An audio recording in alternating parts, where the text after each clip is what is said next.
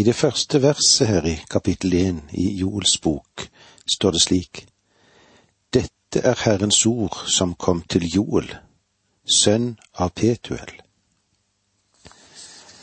Det er flere som har ment at Joel kanskje var sønn av Samuel.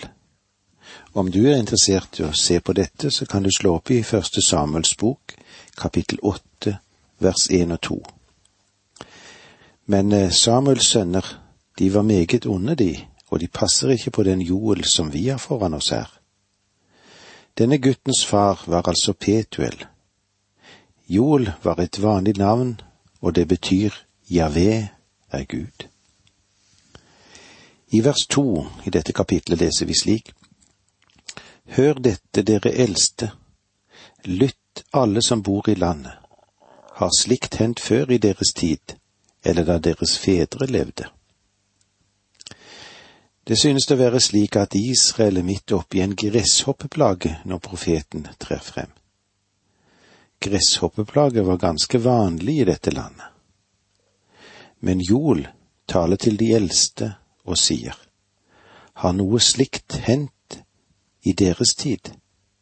Hendte det i deres fedres tid? Har eh, dere noen gang hørt som om denne gresshoppeplagen? Og selvfølgelig måtte de svare, nei, dette er det verste vi har vært med på. Vanskeligheten med de fleste av oss etter hvert som vi begynner å eldes, er at vi har veldige ideer om fortiden. Du husker hvordan det var i gamle dager. Om et ungt menneske kommer og sier til oss, ja, i kveld hadde vi et vidunderlig møte i kirken, så ja, kan hende vi har en tendens til å svare. Ja, det er bra at vi har sterke og gode møter i kirken, men du skulle ha vært med på den veldige, store tiden som vi hadde for over 30 år siden, da jeg var ung. Joel sa, Dere eldste har aldri hørt om noe i likhet med dette. Og de gamle menn, de måtte være enig i det, at det hadde de ikke vært med på. Vers tre, kapittel én. Fortell om det til deres barn, og de skal fortelle det til sine barn, som igjen skal fortelle det til neste slektledd. Joel fortsetter altså med å si, dette kan du la gå videre til nye slekter det skal aldri komme en slik gresshoppeplage igjen. Minner dette deg om et annet skriftavsnitt? I talen på Oljeberget i Matteus 24, der den Herre Jesus beskrev den perioden som han selv karakteriserte som den store trengselsperiode, så sa han det samme. Han sa at det har aldri vært noe slikt tidligere og det kommer heller ikke til å bli noe slikt senere. Og eh, det setter egentlig en parentes rundt denne perioden og markerer den som en enestående del av historien. Under den store trengselsperioden vil ingen være i stand til å si dette minner meg om da jeg var ung. Da hadde vi virkelig vanskeligheter vi har aldri hatt en slik epoke som den store trengsel. For alle andre epoker i historien har det alltid vært en tidligere periode som kunne den kunne la den jevnføres med. Men Jesus gjorde det helt klart når det gjaldt denne store trengsel, som det står i Matteus 24, 21 for da skal det bli en nød så stor som det aldri har vært fra verdens begynnelse til i dag, og som det heller aldri mer vil bli. Når mennesket står midt i den store trengsel, vil det aldri dukke opp spørsmål på lik linje med det vi hører i dag. Tror du at den store depresjonen var den store trengsel? Eller tror du at vår tids forferdelige terrorisme er den store trengsel? Svaret er enkelt å gi når vi venner oss til Jesu ord. Han sa at det er ingenting som kan sammenlignes med det i fortiden. Vi har hatt mange vanskelige perioder tidligere, men de var alle en kopi av tidligere epoker i historien. Og siden tingene ikke kan synes å bli bedre, men stadig verre, så kan vi heller ikke få noe lignende i fremtiden. På en meget dramatisk måte sier Joel til oss, hør, denne gresshoppeplagen er enestående. Det kommer aldri noe slikt igjen. Men det kommer en annen unik periode som kalles Herrens dag. Herrens dag vil åpne med den store trengsel etter at menigheten har forlatt verden. Det vil bli en fryktelig tid på jorden. En ubeskrivelig og ufattelig og skremmende dag. Og da vil Kristus komme og opprette sitt rike. Jeg skulle ønske at mennesker som benekter at Bibelen lærer om disse ting, ville studere alt Guds ord, og ikke bare løfte frem noen få vers her og der. Vi trenger å granske hele Guds ord for å vite hva ordet sier oss. Denne gresshoppeplagen står frem som vesentlig, for, vesentlig forskjellig fra alle andre plager som har vært oppe gjennom tidene. Gresshoppekatastrofen i Egypt på Mosetid, det var en mirakuløs plage. Det vil si at den var en dom fra Gud. Men denne katastrofen er det vi kan kalle for en naturlig hendelse. Det er flere ting vi bør være klar over angående gresshopper. Flere ting som mange av oss ikke er kjent med i det hele tatt. Om du noensinne har sett bilder av landområdet etter at en gresshoppesverm har besøkt stedet, så vet du at gresshoppene benytter seg av den brente jords taktikk. Det ser ut som en preriebrann har gått over distriktet og ødelagt alt sammen. Guds ord taler om gresshopper, og et vers jeg vil gjøre oppmerksom på, står i Ordspråkene 30 vers 27. Gresshoppene har ikke noen konge, men alle drar de ut, flokk etter flokk. Gresshoppene marsjerer som en armé, og de er delt opp i grupper der de drar frem. Det hjelper oss til å forstå Joels beskrivelse av gresshoppeplagen når vi nå kommer til vers fire. Det åmen levnet, åt gresshoppen opp. Det gresshoppen levnet, åt larven opp. Det larven levnet, og gnageren opp. Det er sant at det benyttes fire forskjellige ord her. Åmen, gresshoppen, larven og gnageren. Det er de som tror at dette henviser til fire forskjellige typer insekter, men det er egentlig ikke noen basis for å kunne tro det. Åme betyr å gnage av. Ordet for gresshoppe på hebraisk er arbe og det antyder at det er mange av dem, og at de beveger seg. De beveger seg som en stor sverm. Larve betyr å slikke av, og gnage betyr å konsumere og tygge rent. Disse fire ordene beskriver gresshoppen og hva den gjør. Gresshoppene beveger seg i store svermer som en armé. Først av alt kommer bombeflyene og feller sin drepende last. Etter at bomben er sluppet, så kommer artilleriet gjennom området og ødelegger alle deler. Etterlater seg hele området øde og tomt. Men fremdeles er det mye igjen. Deretter kommer infanteriet, som den tredje gruppen, og det raserer det som er blitt tilbake. Og så til slutt kommer opprensningsgruppene, og de jevner jorden med det som eventuelt skulle være tilbake. Vi har altså her fire forskjellige ord som beskriver de forskjellige gresshoppegruppene. De har ingen general, de har ingen konge. De har ingen majorer eller sersianter, men de beveger seg som en armé. Og det var så langt vi kom i dag. Takk for nå, må Gud være med deg. Dette undervisningsprogrammet består av to deler. Åge Nevland fortsetter nå med andre del av dagens undervisning. Vi er i profeten Joel, og eh, vi er innom Herrens dag. Men vi vil òg se på gresshoppen og alt det som den vil utføre når vi går inn i dette kapitlet, som er kapittel én i profeten Joel. Og i det fjerde verset der leser vi.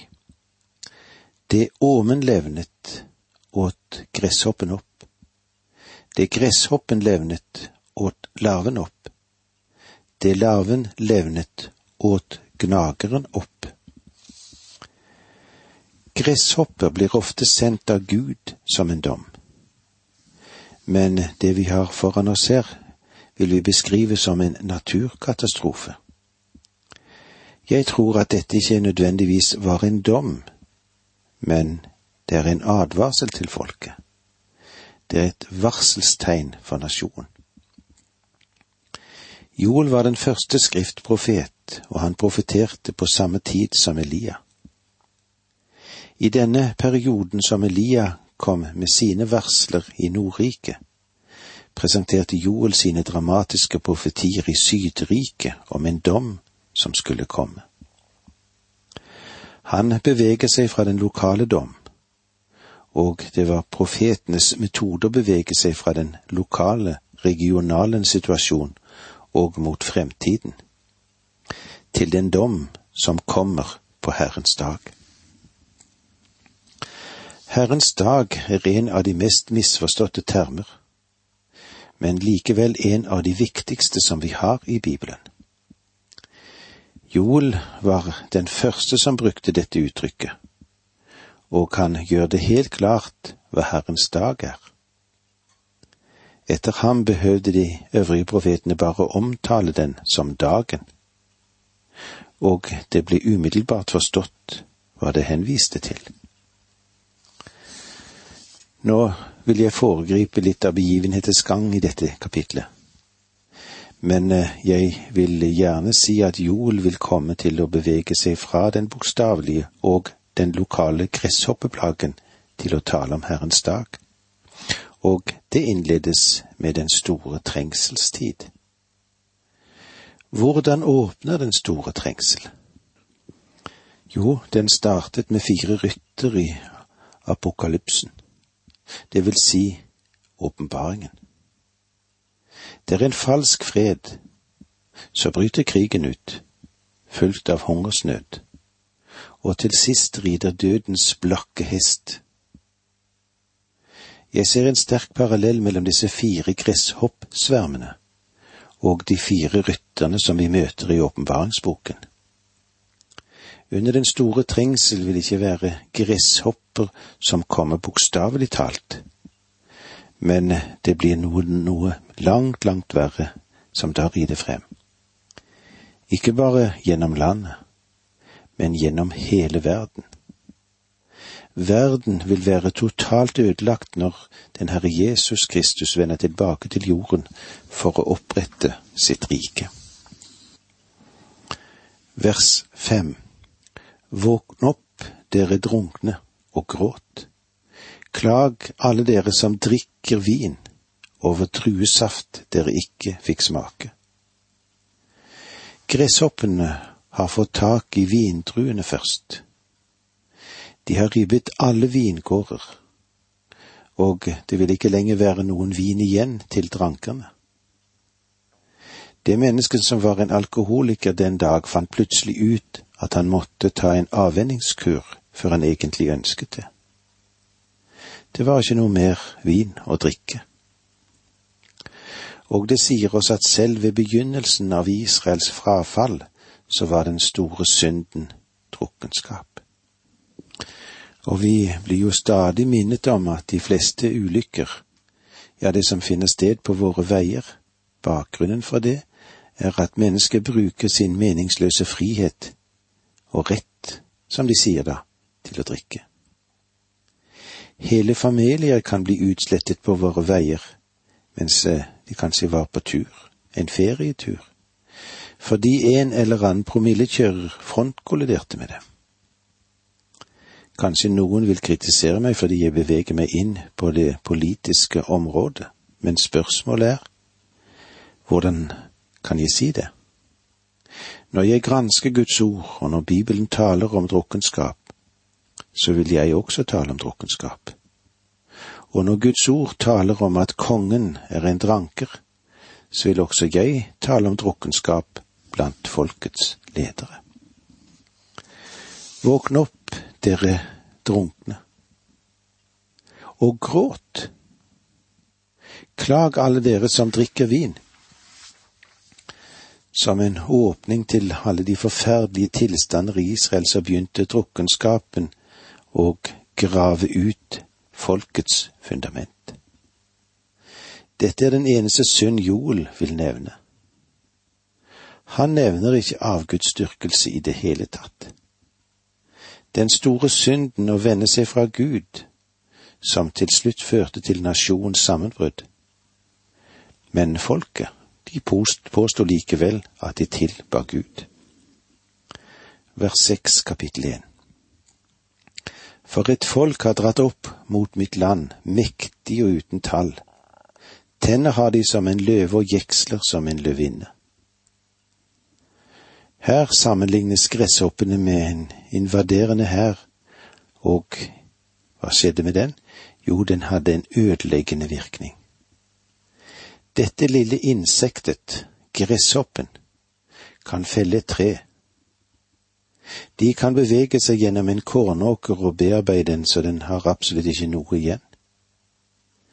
De marsjerer frem i disse fire grupper uten noen leder.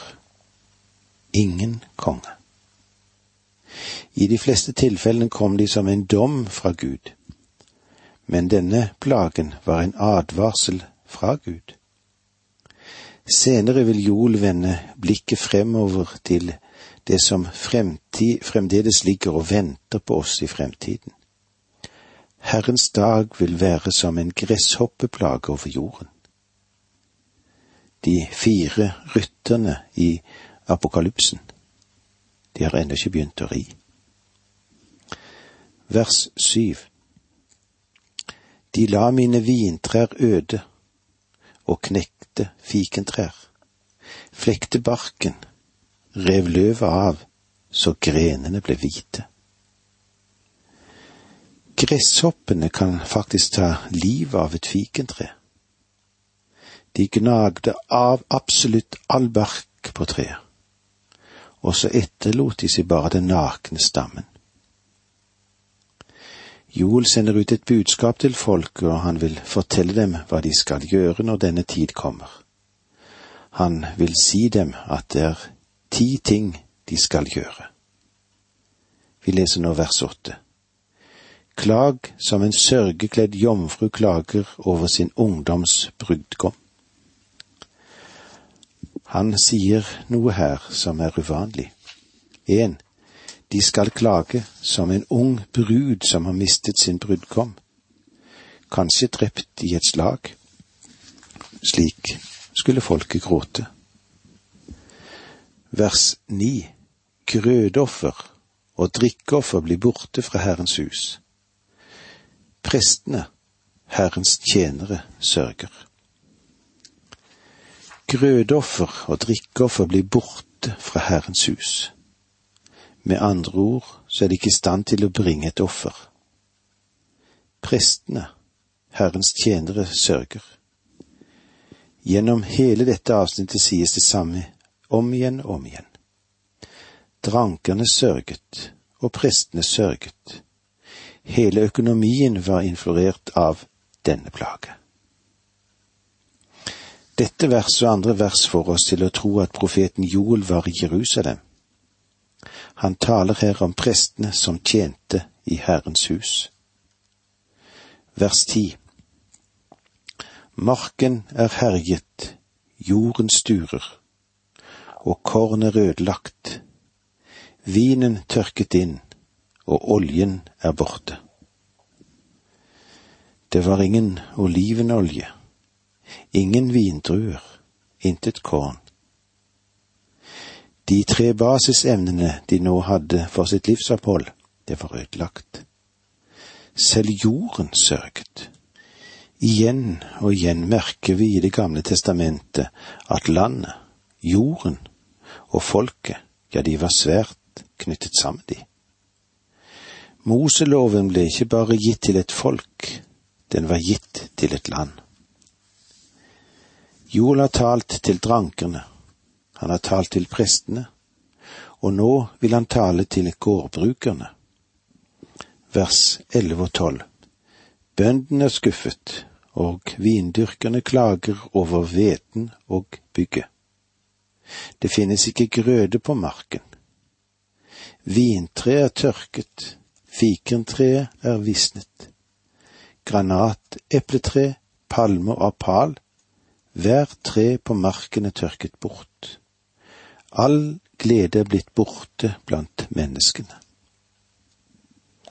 Og eh, det var så langt vi kom i dag, men vi vil ta opp igjen det vi slapp når vi møtes igjen neste gang. Må så Guds nåde og fred være med deg.